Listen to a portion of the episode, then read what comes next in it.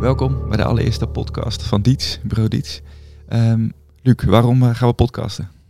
Nou, volgens mij gaan we podcasten omdat er ontzettend veel dingen gebeuren.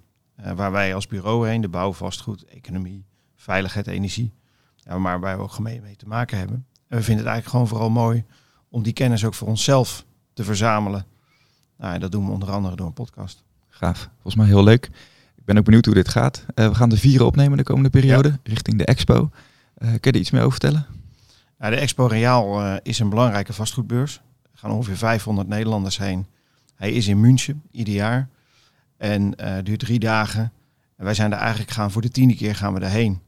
Um, en het is niet alleen heel gaaf voor je netwerk, maar het is ook leuk om op die beurs, jij gaat ook mee, om gewoon toch af en toe de tijd ook eens te nemen om over de beurs te lopen en in het buitenland te kijken. Wat voor vastgoedprojecten lopen daar en daar ook inspiratie op te doen.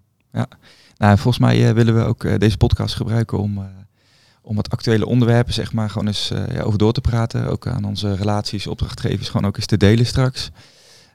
dit eerste onderwerp gaan we het hebben over, de, over het programma aanpak stikstof. kan je daar iets over uitleggen?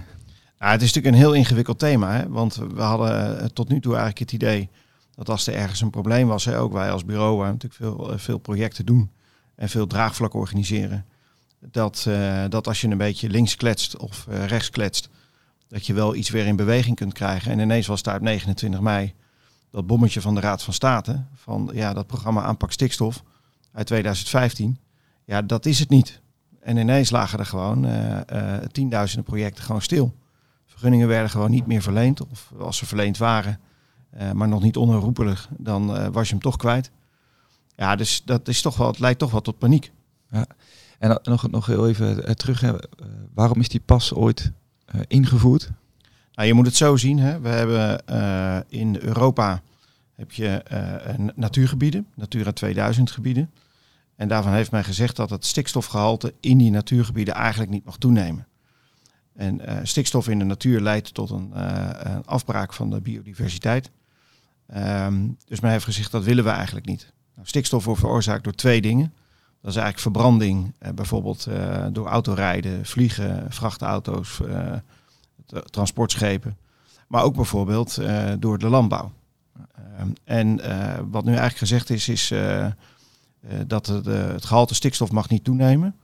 Ehm, en om nou te voorkomen dat daarmee de bouw, de economie helemaal stil kwam te liggen, is het Rijk in 2015 gekomen met het programma Aanpak Stikstof.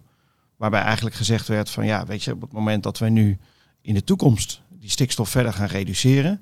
En we, we gooien nou alle natuurgebieden en alle stikstofuitstoot op één hoop. En we zorgen dat die aan het einde eigenlijk gewoon zakt. Dan kunnen we nu al die projecten door laten gaan. Dat is eigenlijk het programma aanpak stikstof. Ja, dat is best uh, uh, ingrijpend. Hè? Dat, zien we ook overal in het land. We horen het ook heel veel. elke dag eigenlijk op het nieuws. Um, ja, wat, wat, wat kunnen we meegeven zeg maar, aan ontwikkelaars? wat nu te doen? Nou, ik denk dat in eerste instantie, hè, dat geldt natuurlijk ook voor ons als bureau. Wij zijn met z'n 25, zijn bij ongeveer 75 projecten in het land betrokken. Ook wel gewoon ingewikkelde projecten. We hebben in het verleden hebben we veel gedaan voor de afsluitdijk. Dat is zo'n project. We zijn betrokken bij Lelystad Airport, ook zo'n project. Um, en ik denk dat het allerbelangrijkste is dat je in eerste instantie snapt wat er speelt. Dat is voor ons ook van belang op kantoor. Um, en, en dat betekent dat je door hebt van hey, dit is niet zomaar iets wat je nog echt makkelijk kunt beïnvloeden. Nee, hier moet echt op een andere manier naar gekeken worden. En ik denk dat het voor een deel de nieuwe tijd is. Ja. Dat vroeger uh, uh, was het zo van, nou weet je, als het allemaal aan het einde van de, van de streep maar een beetje klopt, nou dan, uh, dan zijn we z'n allen blij. en dan was er ook nog wel een beetje ruimte voor, wat vindt, wat vindt de politiek ervan? Ja, dat is nu wel een beetje voorbij. Ja. En als je gewoon kijkt naar de komende periode, er zijn een aantal grote projecten. Eindhoven, Den Haag kwamen ook met een, met een brief. wat kunnen we op korte termijn verwachten? Nou ja, op korte termijn. We hebben net uh, vorige week, hè, dat is uh, vrijdag 13 uh, de, september. Het is, ik weet niet of het toeval is dat die dag gekozen is. Maar is door de minister Carola Schouten naar buiten gebracht. Hè. Die trekt dat, minister van Landbouw, namens het kabinet. Is naar buiten gebracht dat er in ieder geval voor de kleinere projecten, hè, dus het dakkapel bij jouw buren, maar ook het schuurtje bij mijn buren, maar misschien ook wel die twee of drie woningen, dus de kleine projecten, dat daar nu een soort van aparte rekentoets voor komt. Want die hebben natuurlijk relatief maar heel weinig impact op uh, zeg maar de stikstof in de natuur. Um, uh, dus daar is nu een oplossing voor gevonden. Uh, voor de rest is er, zijn er allerlei knappe koppen bezig. Hè. het ministerie heeft er echt een apart team opgezet om te komen tot een, tot een definitieve oplossing. Maar dat zijn geen makkelijke oplossingen. We zullen echt toegaan naar een nieuw tijdperk. Gewoon niet alleen voor het stikstof, maar ook bijvoorbeeld voor CO2-uitstoot. Waarbij het allemaal veel directer moet. Ja, volgens mij ja, wordt dat heel interessant. En, en als we nu kijken, gewoon, stel, stel je hebt nu een, een, vergunning gekregen op basis van de, de pas. Wat moet je nu doen? Ja, kijk, het, uh, uh, wat, je, wat je ziet hè, is dat uh, in Nederland heb je 160 natuurgebieden. Mm En van die 160 natuurgebieden, Natura 2000 gebieden, zijn er 118 waar te veel stikstof in zit. Dus dat betekent Nederland is een klein land met veel landbouw, met veel wegen, met heel veel bouwambities. Dat je ziet dat je heel makkelijk eigenlijk gewoon ergens naast het natuurgebied, want het soms, die stikstof gaat ook kilometers ver, uh, heeft het effect. Ja, dus je bent altijd wel ergens, uh, heb je er last van. Ja, wat moet je op dit moment doen? Hè? Er, zijn, er zijn eigenlijk twee oplossingen waar je naar kunt kijken. Dat geldt, zowel voor de kleine als voor de grote projecten. De, uh, de eerste oplossing, dat noemen ze salderen. Dat betekent eigenlijk, een bekend voorbeeld is bijvoorbeeld een boer die zegt ik wil, een, ik wil mijn stal uitbreiden. Nou, op het moment dat hij op die bestaande stallen, maar ook op die nieuwe, een zodanig sterker stikstoffilter zet dat de uitstoot per saldo eigenlijk gelijk blijft, dan mag hij die extra stal bouwen. Ehm, dat heet eigenlijk intern salderen. Dan los je het in je eigen omgeving op. Je hebt ook extern uh, salderen. En dat betekent eigenlijk dat je uh, wat verder weg gaat kijken. En daarbij is nu een voorbeeld dat gekeken wordt bij een bouwproject, een woningbouwproject. Kun je tijdelijk de provinciale weg die er langs loopt, kun je daar de snelheid van 80 naar 60 halen. Uh, waardoor de uitstoot, uitstoot voor de duur van de bouw eigenlijk beperkt wordt. Want dat is natuurlijk ook het grote verschil. Hè? Als je kijkt naar de, uh, de bouw, waar wij natuurlijk veel in zitten, uh, dan, is dan heb je het eigenlijk over de uitstoot van stikstof tijdens de bouw. Mm -hmm. Bij landbouw of bij nieuwe wegen of ook bij bijvoorbeeld een nieuwe luchthaven, dan zie je dat het uitstoot, de uitstoot eigenlijk in het gebruik zit. Ja. Dus dat is veel lastiger, want dat gaat ja. veel langer door. En als je nu naar de, naar de uitspraak kijkt en uh, uh, wat er nu gebeurt, betekent dit dat we de afgelopen jaren gewoon veel te makkelijk hiermee om zijn gegaan? Nou, ik denk wel. Ik was vorige week was ik nog op een uh, symposium ehm, van vastgoedpartijen. En daar hoorde ik iemand ook zeggen, ja, er komt gewoon een tijd van radicale beslissingen aan. Ja. Want ik denk dat ehm, als je weer terug gaat eventjes wat ik net zei naar salderen intern, extern, dan heb je eigenlijk nog een derde. Dat is de ADC-toets. Dat kennen mensen wellicht ook wel. Uh, uh, dat is eigenlijk, die A staat voor alternatieven. Mm -hmm. Dus als jij een bepaald project hebt, ik noem maar even de afsluitdijken, dat vind ik nou echt zo'n voorbeeld. Ja, ja. Waarbij ik denk, ja jongens, waar hebben we het over? Of windmolenparken. Mm -hmm. Dan vinden we aan de ene kant het ontzettend belangrijk voor andere duurzame doelen om windmolens neer te leggen of neer te zetten. En, en vervolgens komt er dan zo'n stikstofverhaal en gaan we het niet doen. Ja. Nou, afsluitdijk is ook zoiets. Nou, als je kijkt, alternatieven zijn er niet dan is de D staat eigenlijk voor dwingende noodzaak. Nou, als je het nou hebt over de afsluitdijk, dan lijkt mij, hè, maar goed, ik weet je, ik, uh, ik, hoop toch dat we droge voeten houden, dan lijkt me dat een dwingende noodzaak. Nou, dat is de D eigenlijk. Ja. En dan heb je de C en dat gaat over compenserende maatregelen. En als je dan kijkt bijvoorbeeld weer naar zo'n afsluitdijk, dat ligt natuurlijk in de Waddenzee. Um, ja, gewoon dicht tegen enorm veel Natura 2000 gebied. Uh, dus dan zul je moeten kijken hoe je directer op het werk eigenlijk kunt gaan compenseren. Uh, in plaats van, uh, nou ja, vaag elders in het land ooit een keer. Want dat is volgens mij het grote probleem. Hè? We hadden bij dat hele pas het idee dat, nou, stel jij bent ontwikkelaar en je bouwt 40, 50, 60 woningen ergens in, in Gelderland. Dan maakte jij je totaal niet druk over waar die compensatie van die stikstof dan plaatsvond. Want via het pas was dat eigenlijk landelijk gewoon geregeld. Ja, en nu komt er een tijd aan, en dat geldt denk ik voor een heleboel zaken, dat je het gewoon zelf moet gaan oplossen. Je noemde net uh, in je voorbeeld ook uh, dat je bijvoorbeeld de maximumsnelheid uh, zou kunnen verlagen. van 80 naar 60. Wat, wat, wat, voor dingen kun je nog meer doen zeg maar, om te compenseren? Nou, wat ik heel interessant vind, um, en dat was, ik werd ook wel een beetje getriggerd door de reactie bijvoorbeeld van de, de, de bouw- en de, de vastgoedbranche. Die dan een brandbrief sturen naar het ministerie ja. van help, wat moeten we nu doen? En dat vind ik wel een beetje een reflex eigenlijk van, uh, van, van de branche waar wij veel ook in werken. Is dat je, uh, dat je veel meer kijkt van hoe kan het systeem het oplossen. Ja. Terwijl eigenlijk hè, een beetje kennen die wat kan jij doen voor je land. Um, denk ik dat als je met elkaar gaat kijken naar het verduurzamen van het bouwproces. Als je kijkt bijvoorbeeld naar de hele logistiek. Daar zit vooral de stikstofuitstoot in. Hè? Al die vrachtwagens die af en aan rijden. Met zand, met bouwmaterialen. Dat logistieke proces dat is verre van duurzaam. Op het moment dat je daar bijvoorbeeld naar gaat kijken als branche en zegt nee, wij, willen, wij gaan zelf een soort plan maken hoe we de komende 10, 15 jaar uh, die logistieke trein, zal ik maar zeggen, veel efficiënter laten verlopen. Maar ook uh, de uitstoot te beperken door bij wijze van spreken mensen, ik noem maar iets heel geks, met de trein naar de bouwplaats te laten komen. Ja. weet je, en dan, dan hoor ik ze allemaal wel roepen van ja, ben je helemaal gek geworden? want iedereen is getrouwd met zijn eigen bestelbusje. Maar dit zijn wel de dingen waar we naartoe gaan. Dat zijn wel de dingen waar je zelf invloed, invloed op uit kunt oefenen. Ja, nou, het zijn volgens mij hele leuke voorbeelden ook. Misschien ook een beetje gek soms voor, hè, op dit moment. Maar als je kijkt, wat, wat, voor kansen kan dit nou nog meer opleveren, zeg maar? Want ja, er liggen ook op uh, hele mooie mogelijkheden misschien wel voor ontwikkelaars om je juist nu te onderscheiden. Nou, als je bijvoorbeeld ziet dat uh, uh, het elektrisch rijden, personenauto's, dat is, eh, en wij hebben zelf ook drie elektrische auto's op de zaak. Um, dat, dat is vrij gewoon aan het worden. En dan is nog even de vraag, wordt het straks waterstof of wordt het, wordt het puur op elektriciteit? Maar in de transport is dat nog echt nieuw. Je ziet ook dat er weinig bestelbusjes zijn. Vrachtauto's is al helemaal ingewikkeld. Laat staan enorme vrachtschepen. En uh, ik denk dat er wel het schip gaat keren. En dat je dus door dit soort uh, gewoon no regret uitspraken, ook van, van de hoogste rechter, in dit geval de Raad van State, ja, dat we met z'n allen ook gewoon snappen dat we deze kant op gaan. En dat er dus een hele mooie beweging aankomt. En ook een, een soort van versnelling om dat soort dingen dan ook verder in te voeren. Ja. En nu hadden we het net even over wat, wat kansen maar er liggen ook wel wat bedreigingen op de, in het verschiet. Kun je daar iets... Uh, wat ja, kijk, een, een, hele grote bedreiging is natuurlijk dat, en dat weten we allemaal wel, die bouwsector is een enorme werkgever. Ehm, het is een enorme motor van de economie. het is een facilitator van, van, van, van, van arbeid eigenlijk ook. Hè? Gewoon met kantoren, bedrijven. maar ook gewoon het in, in beweging houden van een economie. is infrastructuur gewoon ontzettend belangrijk.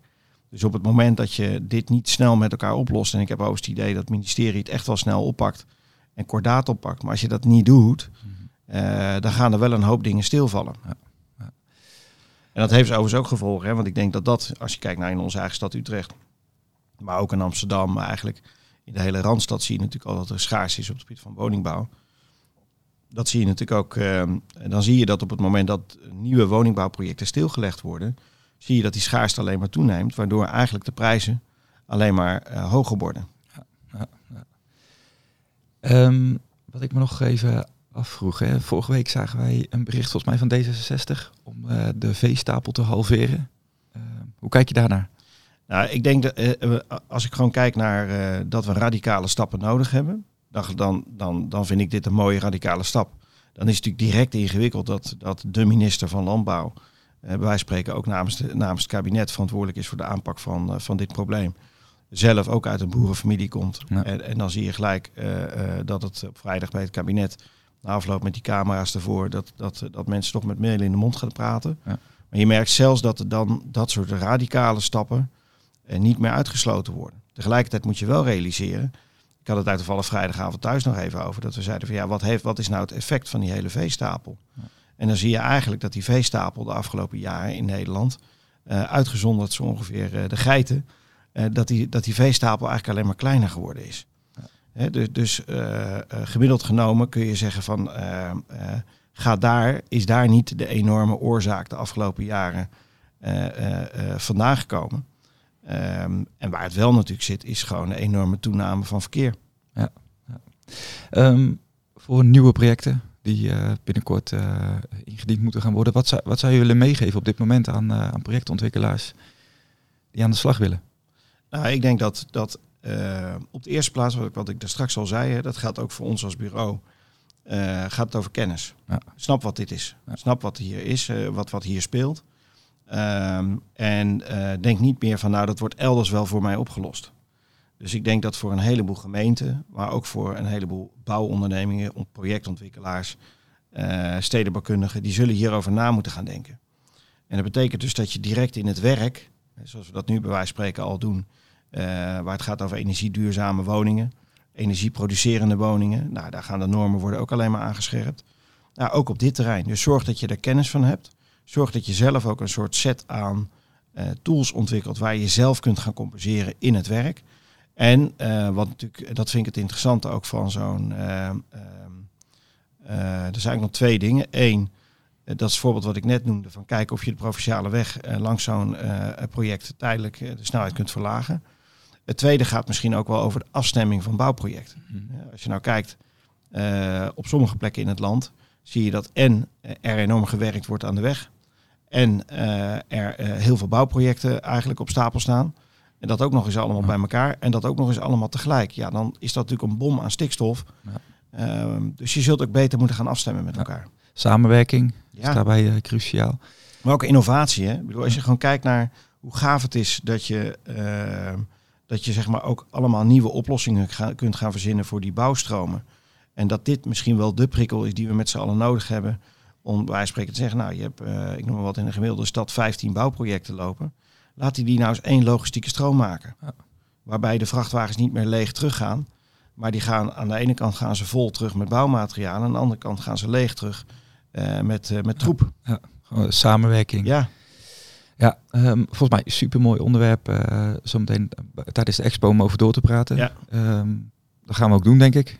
Ik denk dat ik vooral paniek in de ogen zie. Ja. Ik denk echt dat, en, en dat heeft toch te maken met dat we te lang met elkaar gedacht hebben van nou weet je, het Rijk lost het wel op voor ons. Nou, daarvan heeft de Raad van State gezegd. Dat is niet meer zo. Uh, het was, we konden het altijd een beetje vaag benoemen. We gaan wel straks uh, en ergens gaan we wel compenseren. Nou, daarvan heeft de Raad van State gewoon keihard gezegd: nee, dat moet hier en het moet nu. Uh, en ik denk dat een heleboel ontwikkelaars gewoon nog niet precies weten hoe ze dat moeten gaan fixen.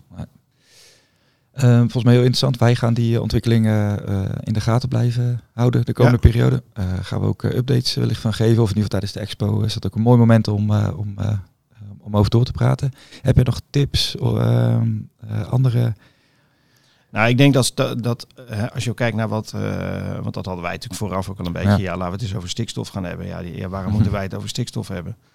Nou ja, kijk, ik denk dat ehm, uh, het hier ook vooral gaat over samenwerken.